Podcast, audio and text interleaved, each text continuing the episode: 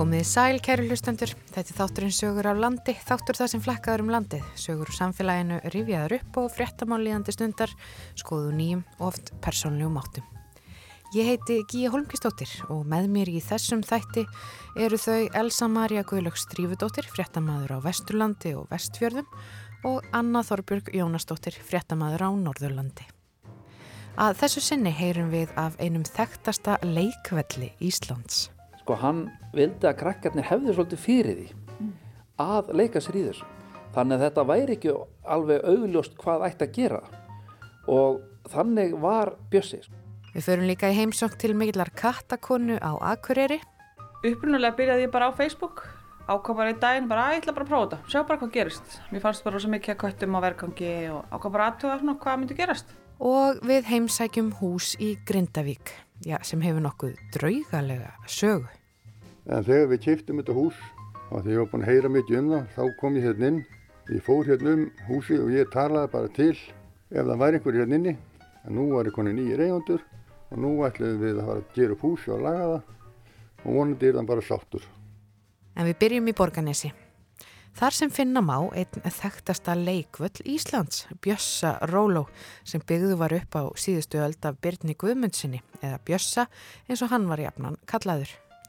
Og nýlega var sagt frá því í fréttum hér á Rúf að unnið væri að lagfæringum og endur nýjun leiktækjana á Bjössaróló. Leikvallurinn var farin að láta á sjá. Það er Ríkardun Mýrdal Harðarsson sem fer fyrir endur nýjuninni og Elsa Maria Guðlurs Drífudóttir hitti Ríkard og fekk að heyra meira af Bjössaheitnum, leikvallinum og smíðavinnunni. Er þetta tilbúin? Já. Og svo gerir þú sjálf?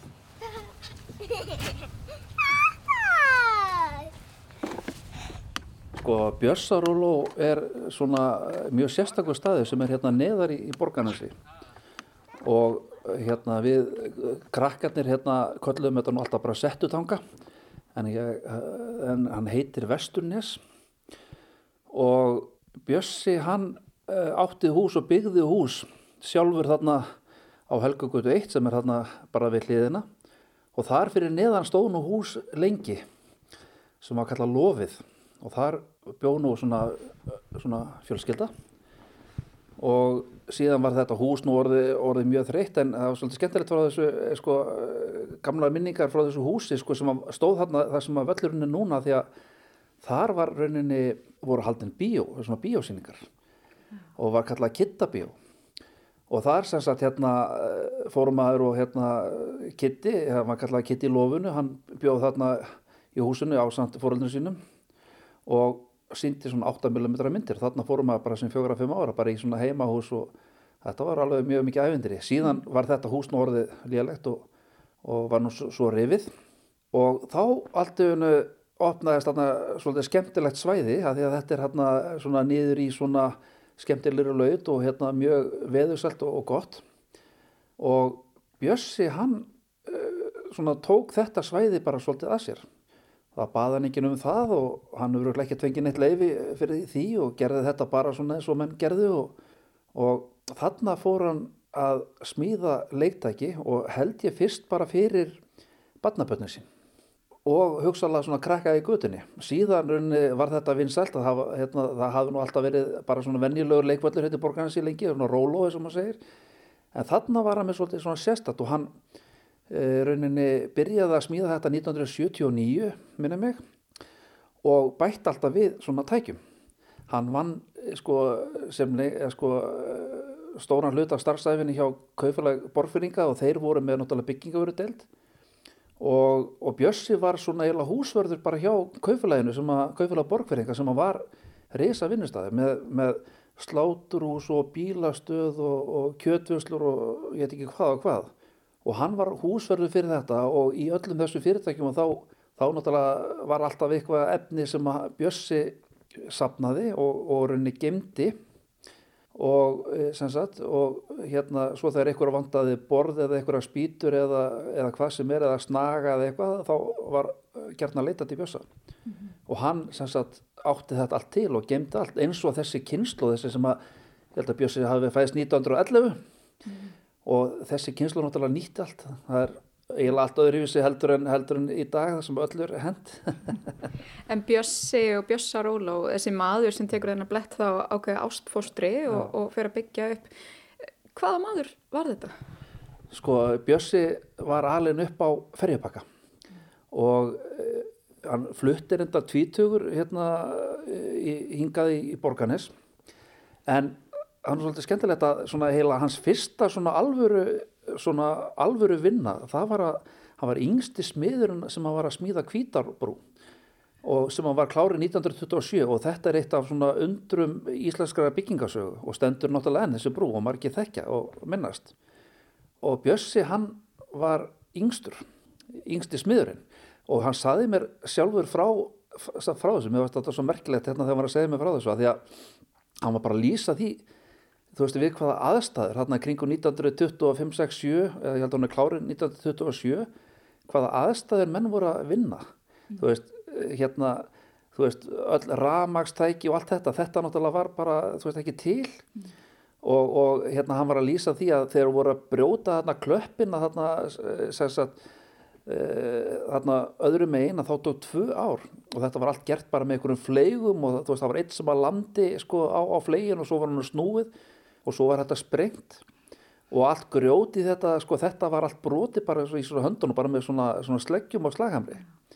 Og, og þegar þeir voru að leggja þarna sem sagt, sko þarna í eh, hérna, stólpan í miðjunni, þá saði Bjössi mér, hann var svolítið skemmtilegt að þessi brúasmiður sem kom, sem ég þekki nú ekki nafnað á, Bjössi kemur þarna alveg svona bautur um milli eirnan og hafði bara svona verið í sveitinni og þetta var svona eiginlega fyrsta held í alvöru vinnanans og hann spyr hvað hann eigi að gera og, og hvernig hann spyr sko hérna þennan aðelan að brúasmið, þennan þekta brúasmið hvernig hann, hvernig hann allir eiginlega að, að steipa þarna út í miðri á og þá saði Bjössi og hlónu hérna mikið þegar það var að revja þetta upp að hann saði að brúasmiðurinn hefði sagt að hann ætti að kafa þarna niður og móka wow.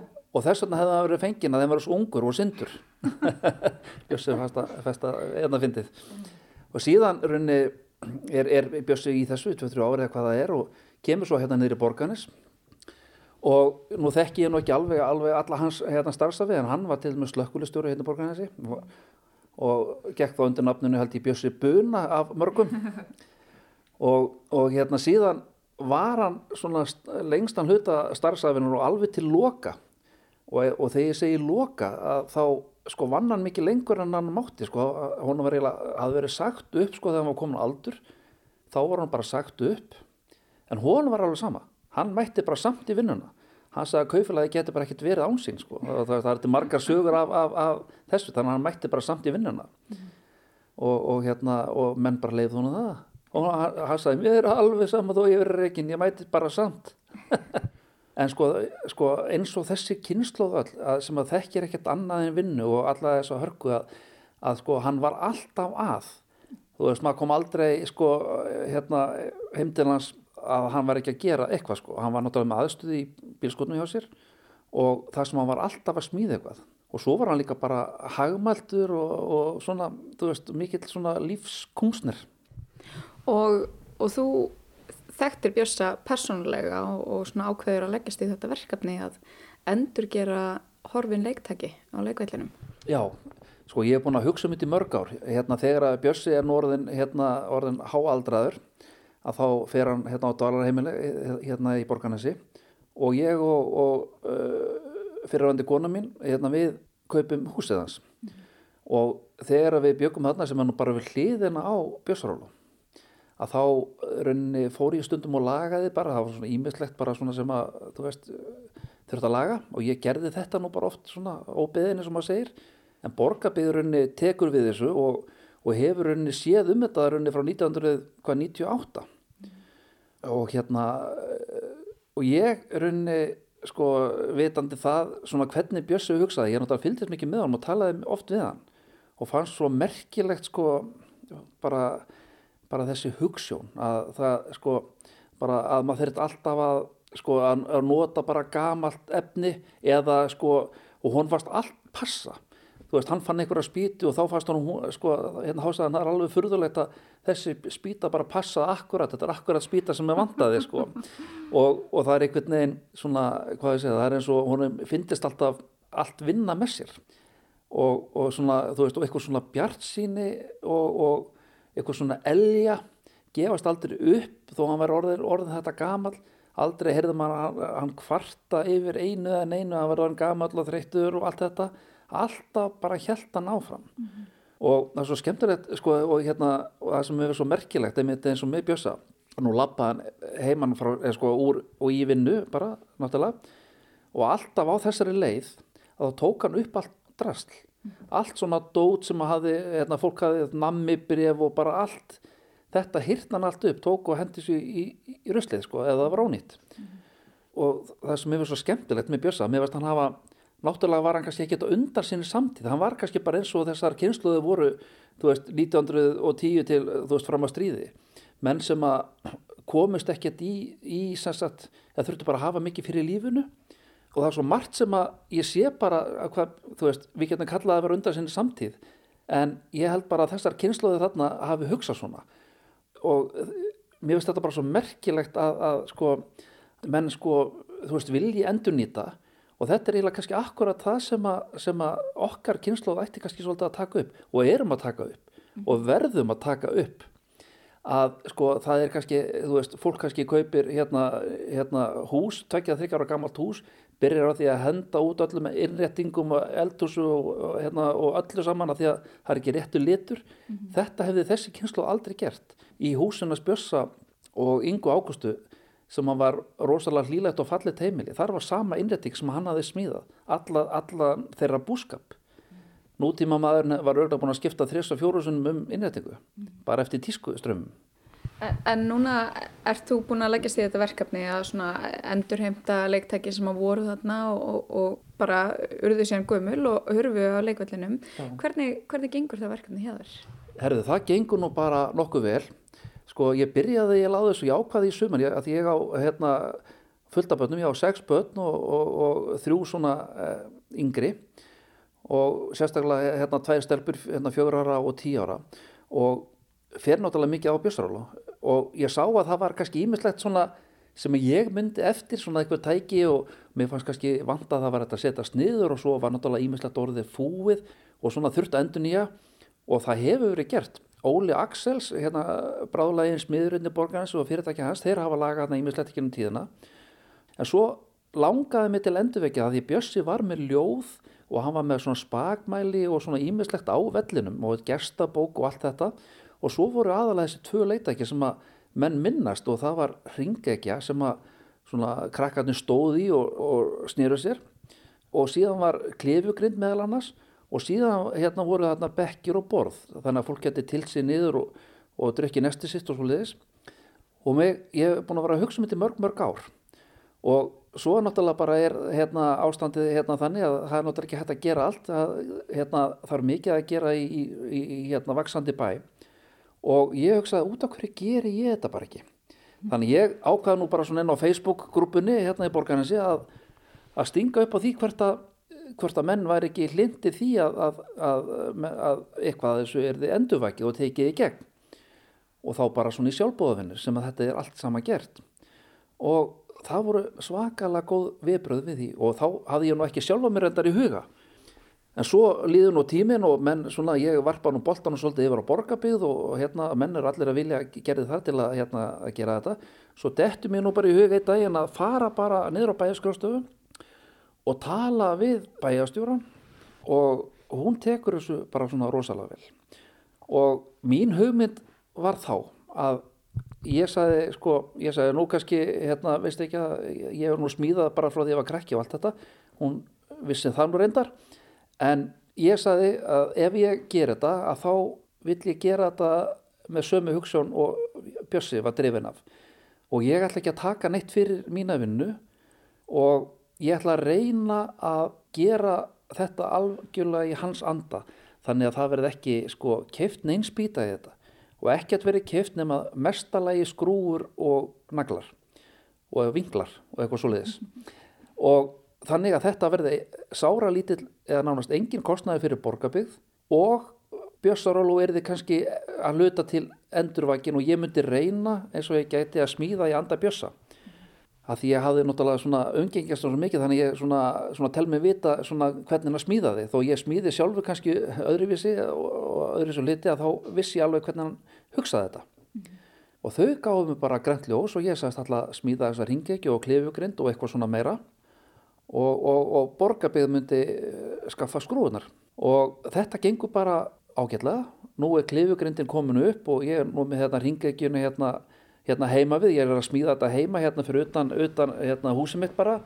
Þar er ég með svona smá vinnu aðstöðu og, og er að reyna að gera eins og ég get. Það er svona, gengur ágætlega en veðrið er nú aðeins að stríða mér. Að fara að snjóa og svona og ég e, svona er að svona keppast aðeins við veðrið, þetta er náttúrulega allt í aukavinnu. Ég er náttúrulega er að vinna hérna fulla vinnu, hérna matrislumadur í hérna einum hirtnunni í borgarnansi þannig ég er að gera þetta bara svona setnibartun og, og, hérna kvöldin. En svo hafa komið að þessu náttúrulega fleiri aðilar, ég er ekki einn í þessu. Og, og allstar þar sem ég hef komið að og talað við eins og í húsasmiðinni, Sigga í húsasmiðinni hún saði þá, þú bara tekur það efni sem þú þarft. Og ég saði, herði, ég vil bara efni sem þið allir nánast að henda. Eða svona aflagt efni, ég vil ekki fá neitt nýtt náttúrulega hefur verið mikið betra að fá bara nýtt en en mér fannst það bara ekki eiginlega rétt, mér fannst það ekki verið að anda bjössa. Og það var hérna stór bungi á spítum ég tók, fekk að taka bara úr þessu eins og ég hérna þurfti.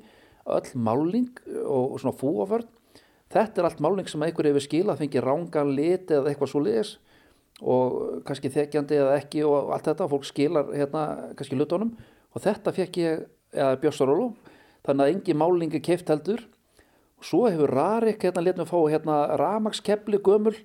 Ég smíðaði sofasettur gömlum hérna ramakskeplum og uh, ég fór upp í hérna Íslenska gámafélagi þar létt blængur með að fá hásingu af bens hérna svona hérna, hérna sendibíl og ég fekk stýri og eitt og þetta. Og allir eru að vilja gerðir að taka þátt í þessu að því menn munætti bjössa. Mm. og það er svo bara gaman að ég að segja frá því að að menn svona ljóma bara upp og vilja hjálpa. Mm. og sko og hérna þannig að ég þarf alls ekki að vera að smíða þetta einn, það er bara svolítið mér persónleiki, ég er náttúrulega bara að gera þetta svona eins og ég get sko þannig að það er erfitt að vera margir í þessu.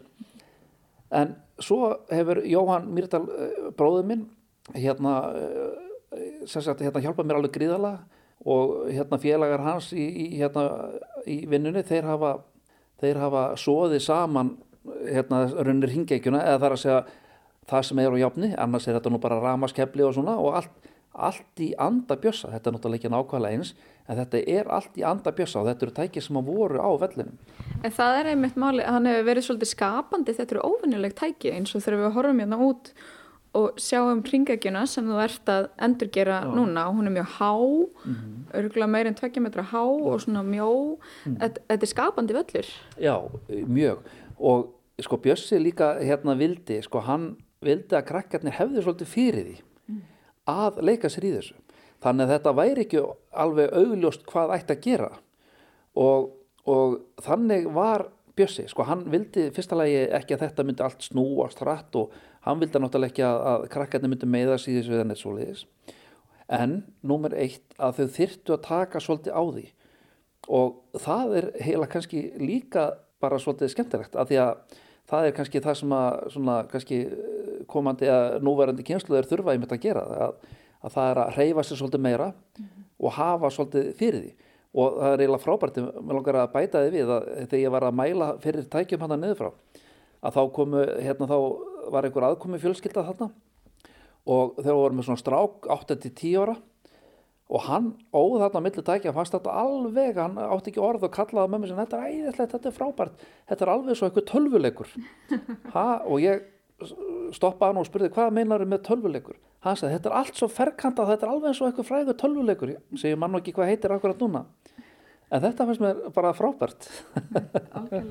En eins og fyrir þig þú veist þú þekkir þetta svo vel, þú þekkir hennan völl og þekktir bjössa og mm, svoleiðis. hvernig er tilfinningin að fara í þetta verkefni og gera þetta? Sko tilfinningin er bara frábær. Sko bjössi hafði alveg gríðalega mikil áhrif að mig og svona uh, í lifanda lífi og svo hugsaði ég bara oft til hans og mér veist bara svo margt sem að ég kannski átti að með nú ekki alveg á eh, sem að svona þegar maður eldi sjálfur og sem að svona höfða til mín. Og þegar maður séð hvernig þjóðfélagið hérna hefur breyst og hérna á öll þessi neysluhyggja og, og sem að maður er náttúrulega kafi sjálfur, ég er bara eins og hver annar er því, en að sjá að það verður hægt að skapa svona mikið og það verður hægt að, að veita svona mikla ánægu með litlum tilkostnaði þú veist, þetta kostar enga miljón, þetta er allt saman dót sem áttu bara að henda. Þarna býr Bjössi til rauninni ævintýraheim sem að þúsundir badna og foreldra skemmta sér við. Og þetta kostaði ekki neitt. Og ég rauninni sko er bara að uh, bara, þú veist, mér langaði bara að að halda þessum tækjum svona við og endurbyggja þetta bara til að borga svolítið tilbaka Bjössi hafði alveg gríðarleg áhrif á mig bara sem personu og vonandi til batnar og ranna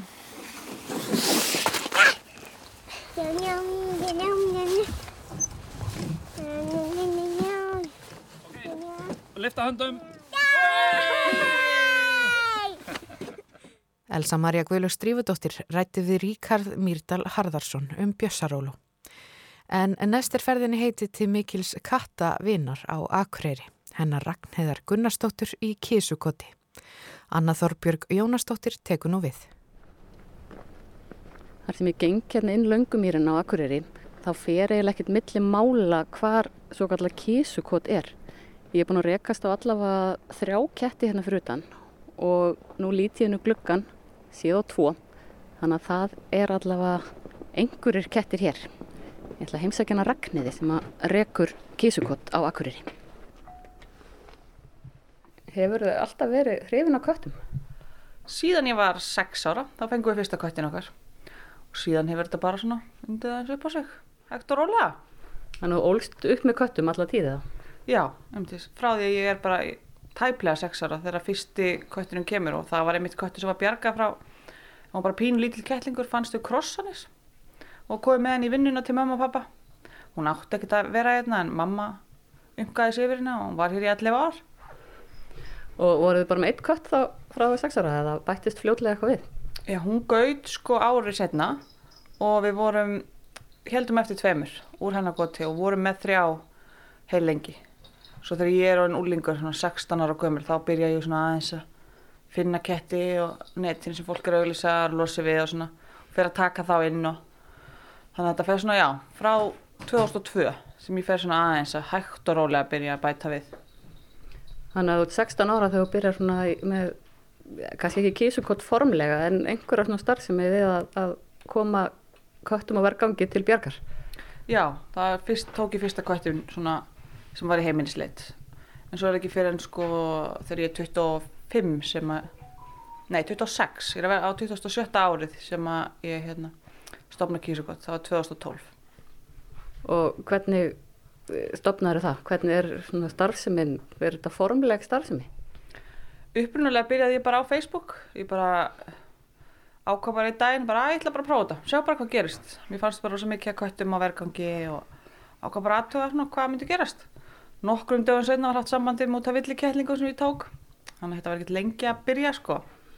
En ég er náttúrulega með félagi kringum þetta og svoleiðis en þetta er aðalega bara ég samt sem séum þetta sko þannig Já, þannig að þú ert bara að gera þetta á eigin, hvað, kostnaði eða hvað?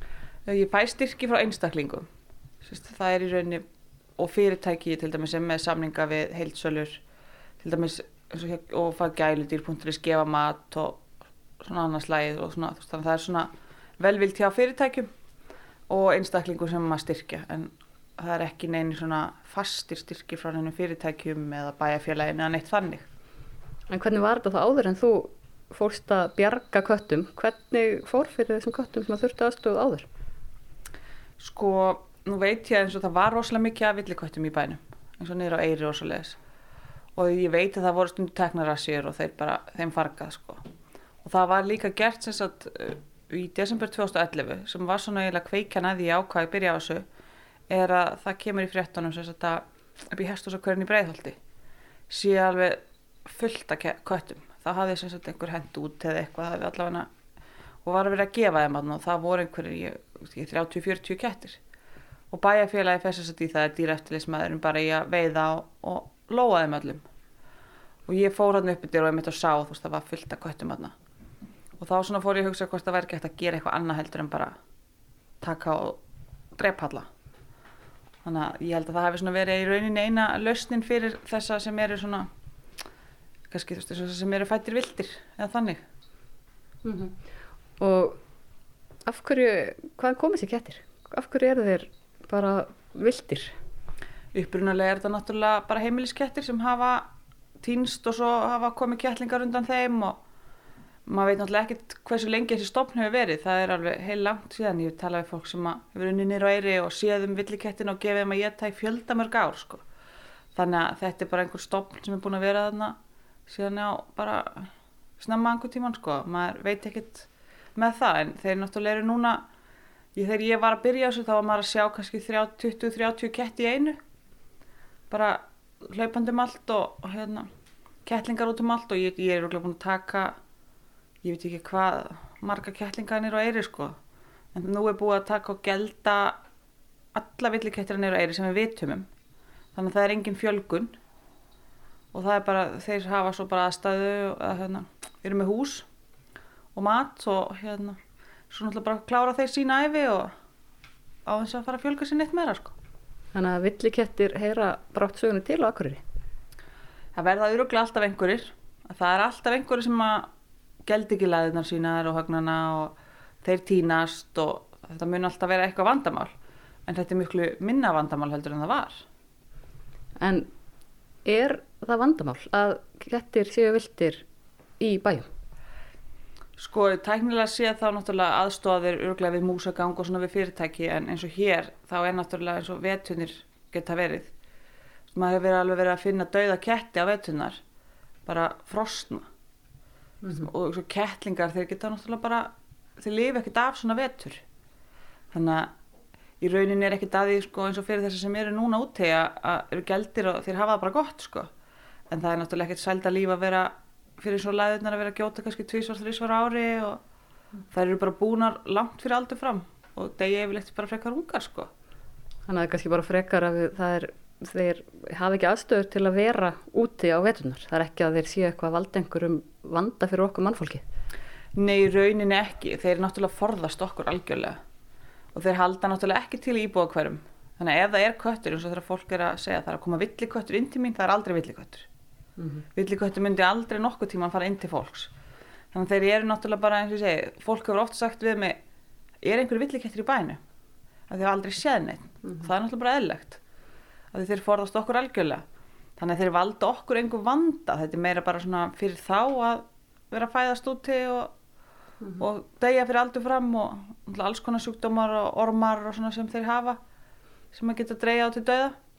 En fyrir okkur er þetta ekkit vandamál þannig sko. Þannig að þú ert ekki að fá villiketti hérna inn til þín í rauninni til að bjarga þeim. Sko ég náttúrulega tek uh, kettlinga. Ég hef náttúrulega verið að taka sko manna kettlingana. Þeir eru náttúrulega, það er mjög mikið um það að við tökum villi kettlinga sem eru alveg snarbrjálega þegar þeir koma. En þessi stóru fullorðni, þú mannar ekkit fullorðin villikött sko. Þannig að við höfum náttúrulega bara verið að, sagt, gelda þá og, og leifa þeim þá að vera það sem þeir voru sko. Ef að, ef að sagt, þeir hafa aðstöð til þess að vera þar. Og það er svona náttúrulega helsta vandamáli stundum að, að það er kannski ekki aðstæða fyrir þá. Og nú ertu með bara heimilið þitt í rauninni fyrir þessa starfsemi. Hvernig fer að vera með heimili og, og halda úti kattaatkvarfi? Það getur verið stundum vandamál, sveppleysi og svona. Það getur verið svolítið þeir fá að sofa upp í bara og þannig að það er svona en þetta er náttúrulega mikil vinna, mikil þrif og mikil kostnaður. En ég myndi samt ekkert vilja hafa það neitt öðru sér sko. Hvað ertu með marga ketti hérna núna? Ég, ég held að það sé best að segja ekkert um það. en þeir eru nokkrir. Það eru þó nokkri auka kettir og svo eru alltaf kettir hérna sem að e, sagt, hafa í rauninni ekki fengi heimili. Eru kettir sem eru hrættir við aðra en okkur heimilisfólki. Hafa kannski farið á heimili og verið skilað og lendi í einhverju svona. Þannig þá hef ég bara leift þeim að vera hérna. Þannig að þú átt, átt, ef maður getur sagt sem svo, nokkra. Já, fleiri en ég ætlaði mér í rauninni. En það er bara, ég hef ekki í mér að vera svæfa kött sem að er alveg heilbreyður og, og hérna líður vel hér og er ekkert vesen. Og þannig líður vel með hinn köttunum og gengur bara vel. Þá leif ég þeim bara að vera. Og svo hérna sá ég að þú ert, það eru tveir kettlingar hérna líka, getur þú sagt mér aðeins hvaðan þeir koma? Þetta eru nú skagfyrðingar þeir hérna er á sveitabæði sem að ég hef fylgst mikið með búin að vera að fylgjast með í næstu í fjögur ár.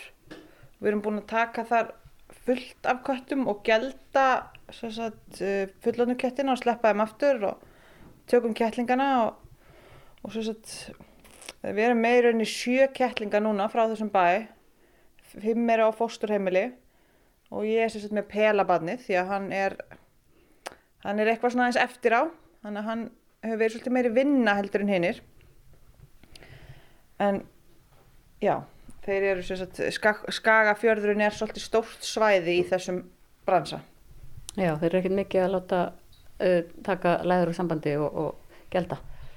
Nei, ég held að það sé svolítið, náttúrulega svolítið með sveitirnar en ég veit ekki alveg af hverju það hefur orðið svona í skagafyrði eins og hjá þessari, þetta er náttúrulega bara eldri kona sem er að gefa köttum og, og þeir koma bara vísvegar að til hennar. Þannig að þetta er svolítið þannig vandamála við í rauninni erum að gelda og búin að gelda fullt en það kom alltaf nýjir þannig að vandamálið við erum að ná að í rauninni komi vekk fyrir að það komi kettlingar þannig að við fylgjumst bara vel með og reynum að taka alltaf förum í veiðiferðir og geldum þess að fullun og tökum kettlingarna En þú býð hérna inn í meðu íbúðakverfu Akureyri og sumir eru mjög heftuðir gagvart köttum sem er úti. Hvernig gengur að lifa í sátt við nágrannana? Það gengur nú bara fyrir þau vel. Ég á alveg frábæra nágranna. Ég sést bæði við hliðin á mér, eru bæði með ketti frá mér og í húsina móti líka. Þannig ég er svona búin að dreifa svolítið úr mig bara í nágranni sko og hérna og ég minn ef að nágrannarnir hafa það, það bjóð til dæmis hérna eldri eða byggu eldri hjón við hliðina okkur og nú flutt núna og og ef að kettirni voru eitthvað svona skýta á svona á bílastæða þá bara þrýfum við það og, og ekkert vesen sko Veit, hvernig, það er mikil umræð um að kettir séu skýtandi út um allt og fara inn í alla glukka er þetta kannski orðum á aukið? Stundum held ég það nú. Ég hef nú ekki orðið vörð við þessi svona, að þeir séu svona rosalega mikið að þessu. En ég ég er náttúrulega kannski þau gera það ekki hjá mér, þeir kom ekki inn hjá mér af því ég er náttúrulega með aðra ketti. En auðvitað er það náttúrulega hundlegilegt fyrir fólk að vera að fá inn einhver dýr sem er vilja ekkert fá sérstaklega ef þeir eru að gera eitthvað af sér ég meina það er ég meina það er ekkert réttlega tannlegt auðvitað en það er alltaf hægt að finna einhverja leiðir mm -hmm. En þeirna, það þarf líklega að sinna þessum köttum svona, ekki bara gefa hann borða og, og þrýfa skýt heldur að klappa þeim og, og vera góð við það ertu bara allan daginn að strjúka köttum? Já, ég gæti náttúrulega eitt bara allan daginn í miða sko en já, því ég náttúrulega er með, það eru svona nokkur sem að koma, aðalega einu vinkona mín sem að ég kynntist nú í gegnum þetta starf. Hún kemur reglulega og er bara að klappa kvættunum og gefa þeim mig og, og hjálpa mér að manna það og svona. Þannig að það munar rosalega um það að fá bara fólk í það að því að ég er náttúrulega mest í þessum þrifum og svo les. Þannig að fyrir kjættin að fá einhverja svona félagskap. Það er líka bara gott fyrir að kynast öðru fólki. Og eru ekki börnin í hverfinu ánað með kísukott? Jú, það er að hafa oft komið börn og spurt hvort dinglað og spurt hvort það með koma að kleppa kísum og, og ég veit til dæmis að og hef orðið verið við leikskólan að lappa fram hjá útígerðunum og hérna vera að skoða kísunar og ég veit að það er börn í nákvæmlega koma oft og eru fyrir utan og sérstaklega góðum sumardegi þegar það er margir úti. Þá eru börnin að skoða kettina og hafa gamna að leika við það með strá í gegnum útígerði og svona. Og er það vel þegið að leifa köttunum að hitta með fleira fólk. Já, já, já, bara um að gera og bara gott fyrir börnina og gaman fyrir þau að sjá kísunar. Og það er oft talað um fólk sem annarkvæmt hunda eða kattamanneskjur. Þú ert þá klárlega kattamanneski. Já, en ég hef ekkert að móti hundum og ég hef meira sér að bjarga hundum. Ég er oft spurðaði hvort það mér sé illa við hunda og mér er ekki illa við hunda, bara alls ekki. Sýsti mín á hund og ég er mjög gaman á honum og, og ég, ég er í rauninni, hef mjög gaman af flestum dýrum. Ég hef tekið ég held ég sé búin að bjarga flestum svona dýrategundum sem eru eru sérstaklega svona hjá fólki. Ég hef tekið hamstra og nagrissi og kaninur og fuggla og ég er með fiska og þannig að það hafa flest öll dýr komið hérna svona sem að eru í svona þessum gælu dýra eða já, þannig dýr. Þannig að fólk veit af þér og, og þá hefur samband ef það sér ykkur dýr sem að eiga greinilega ekki heimili eða hvernig gengur þetta fyrir sig, hvaðan komið þessi dýr? Já, það er í rauninni, fólk veit að mér og svo hefur hann bara bent á mig. Ég er að fá til dæmis bara frá fólki út í sveitum sem eru að lenda í, kannski er að koma einhverju kettlingar eða villikettir og þá er maður að lána fellibúr til að ná þeim og, og svo bara já, það er, ég held að rosalega margir viti bara af mér, ringt í mig og, og þannig ef það eru kettir eða ef það er haldar séu í vanda eða vita er séu það. Og svo til dæmis eins og í sumar þá var ringt í mig út að, að kaninungum sem að voru í hérna, hestahólfi og voru að fara á stjá og, og hérna, hestarnir voru í hólfinu og höfðu semst þegar drepið einn, þannig að það bara þvælst á milli lappana þeim. Þannig að við fórum og, og tókum bara sjö kaninunga sem voru bara pínlittlir og komum þeim að legg og komum þeim öllum á heimili. Þannig að það er bara alls konar verkefni sko. Þarna var rætt við Ragnheiði Gunnarsdóttur sem á og rekur kattat hvarfið kísukott á heimili sín og akureyri. En frá köttum yfir í allt annað. Við höldum nú til Grindavíkur, þar sem sögufélag Grindavíkur hefur staðið að endurbótum á húsi sem er elsta uppistandandi verbúð á Suðunessjum. Og þetta hús, það hefur, já, svolítið draugalegar tengingar. Uh, amma konu minnar, hún, le, þau leiguðu hérna í eitt ár. Og þau áttu dóttir sem var um tveggjára eitthvað svo leiðis og hún var að leika sér í þessu stiga. Og gamla konan var hérna inn í eldúsi þá heyrir hún að barni dettu niður, það var ding ding ding. Og hún kemur hlaupandi hérna fram, það er ekki langt. Þá satt barni hérna, stelpan hérna á, á gólfinu. Og hún segir almáttugur meintur ekki bann nei nei mannin greip mig og benti. Og það var engi maður. Hún tók stelpuna og hljóp út í sjólist og var þar í tvo daga. Svolítið var þessi saga. Hallur heiti Gunnarsson og ég er formaður minna sljófélagsins annars er ég meindireiðir og er fer svona út um allt Þetta hús sem við erum í núna, hvaða hús er þetta? Þetta heiti Bakki, er kallað Bakki og, og byggt 1933 og hérna það var eiginlega í niðurníslu og hérna ég, ég heyrð, heyrða mönnum að það er, að myndi vilja jafnvel að rýfa það og byggja bara upp nýtt. En við hittum á, á, á eigandan samtum við hann um verð en gá, gá, gáttum ekki klárað að ganga frá því vegna þess að hann fjall frá bara þrjöndum setna. Þess að það fór í skiptaragand og, og við kiptum það af honum til þess að, að laga svo við myndum passa húsið. Og okkur langar að gera það upp svona nánast uppröndilegt.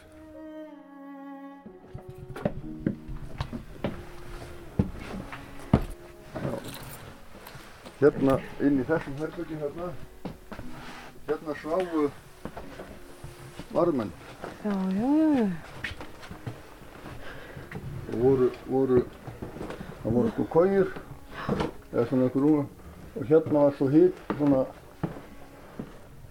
kyndi og þau gátti hýta sér upp vatn og kaffið það. Já, já, já. Er draugagangur hérna? Við, hefum ekki fundið fyrir því. En þegar við kiptum þetta hús, þá þegar ég var búinn að heyra mikið um það, þá kom ég hérna inn og ég fór hérna um húsi og ég talaði bara til ef það væri einhver hérna inni. En nú var ég konið nýjir eigundur og nú ætlum við að fara að gera upp húsi og laga það og vonandi er það bara sáttur. Og við hefum ekki orðið bara við nitt. Já. Já, með að við söguna þína sem þú sagði þá er þetta hjálpsamur. Hjálpsamar verur hér. Ég myndi segja það. Og þeir hafa bara gaman að þessu. Þið hafið greinilega haft svona taugar til þessa hús og þú, þú hefur hérna já, sögu, teng, tengist hérna þér uh, og þið ætlaði að gera húsið upp í upprannlegu mynd. Um, hefur svona, hvernig hefur þetta gengið? Hvað hefur þetta verið langt ferli hjá ykkur? Þetta tekur svolítið langa tíma. Við gerum þetta bara á styrkjum, við tökum ekki lán fyrir þessu. Uppbyggingarsjóðu Suðunisja hefur, hefur styrt okkur á hverju ári. Grindavíkubær hefur, hefur eirnamert 500 skall í þetta hverju ári. Við höfum ekkert vilja fara í, í útgerðir og annað, við viljum eiga það bara inni ef við þurftum á því að halda. Við getum alveg komið fram að, að það voru útgerðirnar og, og lítil fyrirtæki hérna og, og, og sjómanafélagið. Þeir styrt okkur við kaupin á húsinu. Að, það má ekki gleyma því heldur sko. En þetta er bara yndislegt. Þetta hefur sterkar sögu, þetta hús sem tengir svona, já, þessari sjóminja sögu svæðisins.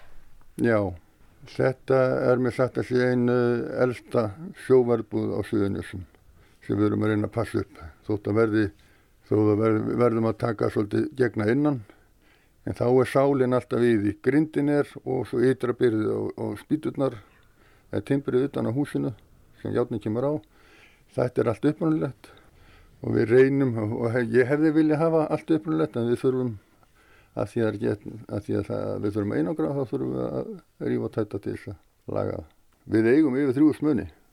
Það er bara að sé við. Við erum með þetta í geimslu á fimm stöðum í bænum og okkur vantar, svona, vantar eiginlega svona húsnæði til þess að geta sett alltaf eitt stað til að skoða hlutina betur. Já, já. Það er yfirlega. Ha, ha, hafið alveg yfir sín yfir svona hva, hvað þið eru komið með og, og já, hvaða svona sögu þræðir eru að myndast? Já, svona mestu leiti. Ég er eina að halda utanum þetta og skrá niður það sem að koma með, hverjir eru að koma með frá hverjum. Og svo veit ég að það er einn, á, einn í hafnafyrir sem að býður eftir að við fáum eitthvað húsnæð til að koma dóti inn hann með 700 munni sem að allir eru mertur og með sög og allt það og, og, og, og ég er bara vonast til þess að við getum fundið gott húsnæði til þess að taka mótið í. Hvað er þið mörg sem að hafi staðið að þessu verkefni að taka þetta í gegn? Það, við erum búin að vera hvað 5, 6 já 6, 7 sem er búin að vera já. svona mest í þessu og það með allir koma á aðstofa ef það vilja Og grindvikingar almennt áhuga samir? Já, þeir eru áhuga samir að þetta gerist. Mm. Það ég hef ekki heilt nýtt annað. En það er kannski minna um að þeir vilja koma á aðstóða. en, en það kannski gerist þau sjá, sjá hvað er að gerast. Þeir sjá hvað þetta verður flott.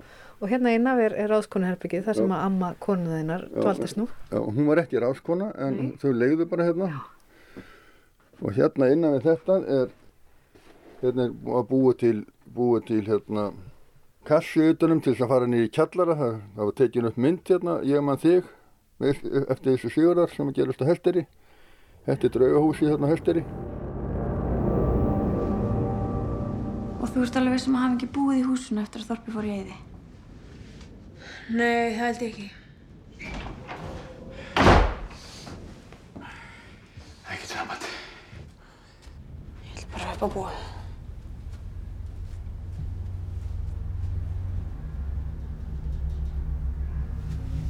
Garðar!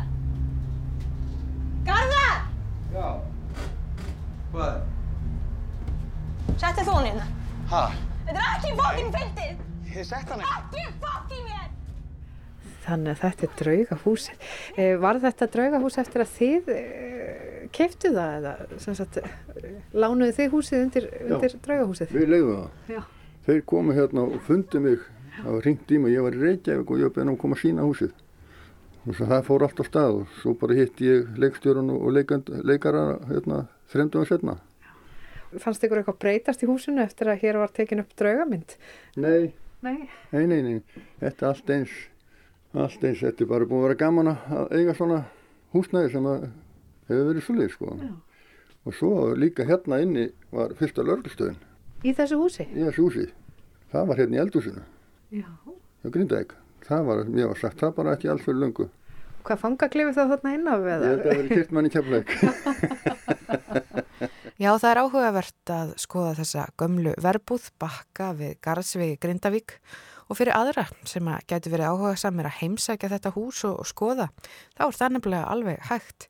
Því í stærsta herbyggihúsins, þar sem áður var borstofa verbúðarinnar, þar er núna rekin prjónabúð. Marta heiti ég, Marta Karlsdóttir Marta, segðu mig frá þessari prjónabúð sem þú ert með hérna. Já, við hérna, það var einn prjónabúð hérna í Grindaeg sem lokaði. Það ákveði við sýstur, ég og Lilja Dögg, að opna eitt ekki prjónabúð. Og það sem ég pínu við í loðin, minnjósögufélaginu, þá hérna fannst mér bara tilvalin hugmynd að koma hérna inn og koma lífi í húsið. Og við vorum búin að tala um að koma með starfsemi, eitthvað skonar, inn í húsið til að halda því bara halda fólkin í húsinu og lega fólki að skoða og, og hérna, þá fannst okkur bara tilvalið að opna prjónabúðuna hér. Já. Og sko, hvernig gengur að reyka prjónabúð hérna? Það gengur bara ótrúlega vel. Konunnar hérna í Grindavík eru yndislegar og það eru alveg tryggar okkur og hérna eru dugulega að koma og prjónakvöld til okkur líka.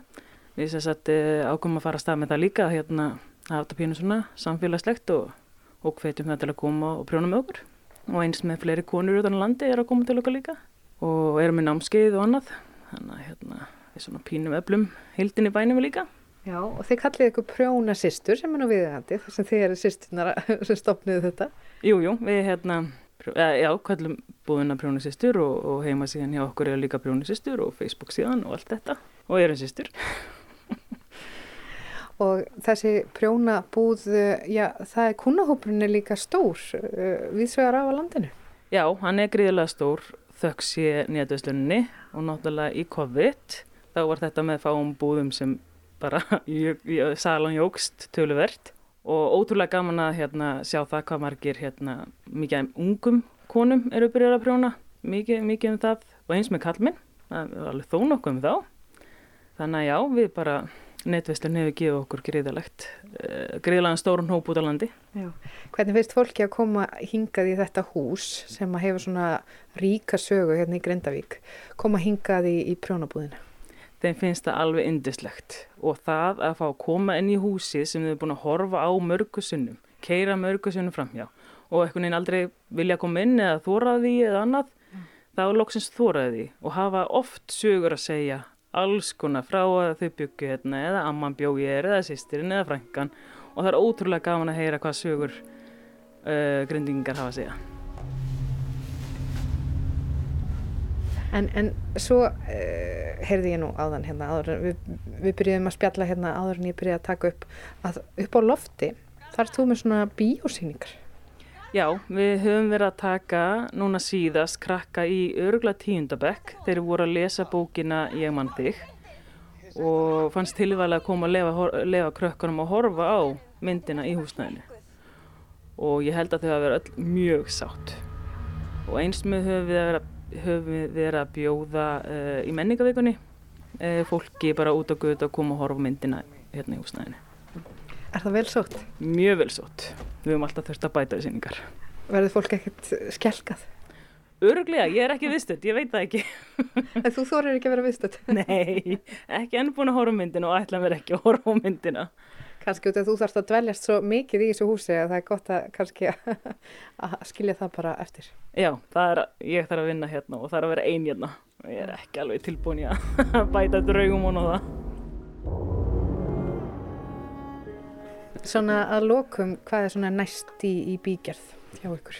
Það er bara hreinlega að hreinsa út úr herbyggjónum uppi uh, að vera þenni og já, bara miðjur hluta húsins, hann er næstur og svo er eldus hlutin. Þetta kemur eitthvað tíman að lokum. já, við þurfum að byrja uppi. Við þurfum að laga gólfið, styrkja gólfið, það er búið að styrkja húsið.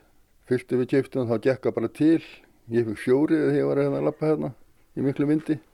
Það er búið að styrkja það alls saman. Við þurfum að styrkja gólfið hérna yfir og laga hérna og svo förum við hérna niður og þá þurfum við að þegar við förum hérna niður þá þurfum við að rífa upp gólfunum og rífa hérna tína út hérna uh, hraunið, hraunmólana sem eru undir eins og við gerum hérna. Ég var með gröfu hérna inni. Ég var í tvo daga að móka út úr þessu hérna til þess að fá réttu hæðina. Hérna þurfum við að tína allt á höndum. Það er svolítið vinna og svo erum við byggjað upp eftir. Ég myndi alveg að gefa þessu 2-3 ári viðbútt upp á miður styrkjana sem við erum að fá. Já. Og þá gæti bakki orðið svona nokkuð tilbúin fyrir já. síningarhald og fyrir prjónabúðina og, og svona já, rekstur hérna í, í öllu rýminu. Já, gera þetta svona skemmtilegt svo allir getur komið að skoða. Já, læsilegt. Takk fyrir þetta og gangi ykkur vel hérna í þessari uppbyggingu á þessu húsi uh, bakka í Grindavík. Takk fyrir það og verðt alltaf velkominn. Og þar með komið að lokum í sögum af landi í dag. Viðmælendur í þættinum voru Ríkardur Mýrdal Harðarsson í Borganesi, Ragnæði Gunnarsdóttir í Kísukoti á Akureyri og nú síðast var rætt við þau Hall Gunnarsson og Mörtu Karlsdóttur hjá sögufélagi Grindavíkur. Og við minnum auðvitað á að þessi þáttur sem og eldri þættir eru aðgengilegir í spilara rúf og á öllum helstu hlaðvarpsveitum. Við þakkum þeim sem hlýtu, lifið heil.